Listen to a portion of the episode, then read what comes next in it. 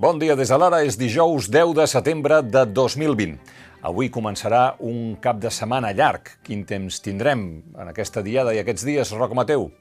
Doncs aquests dies el sol guanyarà protagonisme. Tan sols quedaran restes d'inestabilitat avui dijous i demà a la Diada de Catalunya que faran créixer nublades a sectors de muntanya del país que podran deixar alguns ruixats al Pirineu, al Prepirineu, així com altres punts de les comarques de Girona i de Barcelona. Pel que fa a la temperatura, anirà pujant amb un ambient estiuenc entre dissabte i diumenge. Tenim el plaer i la felicitat d'anunciar que hem arribat a un acord, que avui els quatre grups impulsors de la llei per regular els lloguers a Catalunya han dit que sí a aquesta llei. Era Jaime Palomera, portaveu del sindicat de llogateres, celebrant l'aprovació de la llei que limitarà el preu del lloguer a Catalunya. Trobareu explicat què diu la llei i què eh, es fa en matèria de lloguers a diverses ciutats d'Europa en aquestes dues pàgines. Però, en resum, el govern elaborarà un preu mitjà per metre quadrat, que és el màxim que els llogaters haurien de pagar. L'import hauria de tenir en compte doncs, eh, la localització de l'habitatge, la planta d'altura, la superfície, l'any de construcció, l'estat de manteniment, si disposa d'ascensor, eh, si està moblat, si té consergeria, entre d'altres coses. Amb aquestes dades, eh, si els inquilins paguen més, tindran dret a exigir una rebaixa. Si el preu és inferior a l'índex, el seu propietari no els podrà apujar el lloguer. En contra van votar Ciutadans, PSC i PP i diputats del PDeCAT i de Demòcrates. Alejandro Fernández. Vamos a defender a estos propietarios y repito, como asumo que nuestras enmiendas, que son no del Partido Popular, sino son asumir lo que dice el Consejo de Garantías Ciudadanas, no será aceptado, llevaremos esto al, al Tribunal Constitucional en breve, que me temo que es lo que están deseando.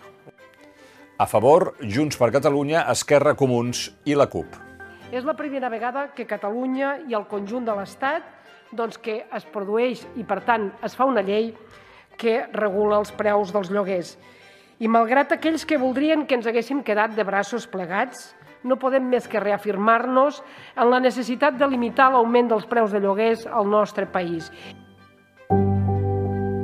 A poc a poc es va coneixent més detalls de l'escàndol del cas Kitchen, l'entramat d'espionatge polític que el PP presumptament va muntar per robar l'extresorer Luis Bárcenas, documentació compromesa per així amagar-la de la justícia. Doncs bé, un mínim de 53.266 amb 22 euros procedents dels fons reservats del Ministeri de l'Interior, el ministre era Jorge Fernández Díaz, és el que hauria costat l'operació.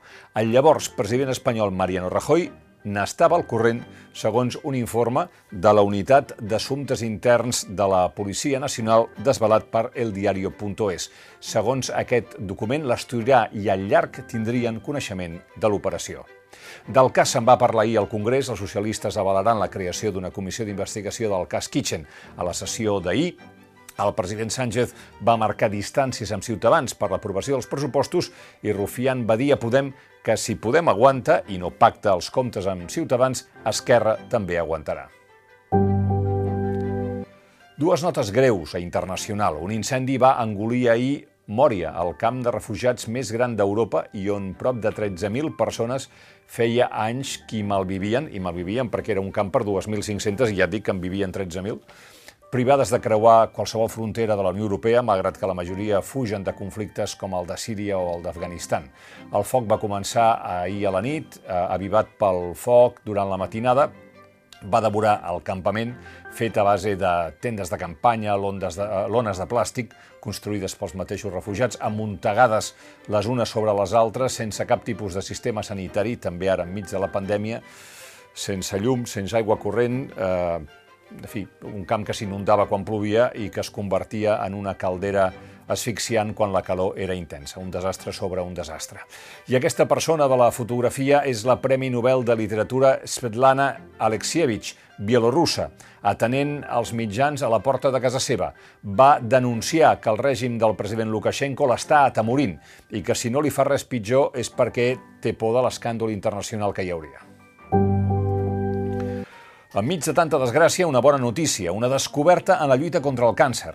El bloqueig d'una proteïna limita la formació de tumors. Santiago Ramon i Cajal Agüeras, cap del Servei d'Anatomia Patològica de l'Hospital de la Vall d'Hebron i nebot eh, besnet del Premi Nobel del mateix nom, ha fet la descoberta. Pot ser una proteïna que participa de la comunicació entre cèl·lules sanes i canceroses, la que determinarà les condicions del microentorn on arrelarà i creixerà un nou tumor.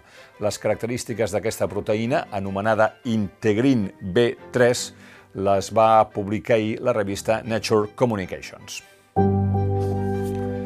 Ahir es va inaugurar la Setmana del Llibre en català que us espera fins diumenge. La Fira, que és l'aparador més gran de llibres en català, ha canviat d'ubicació. Fins ara es feia a l'Avinguda de la Catedral.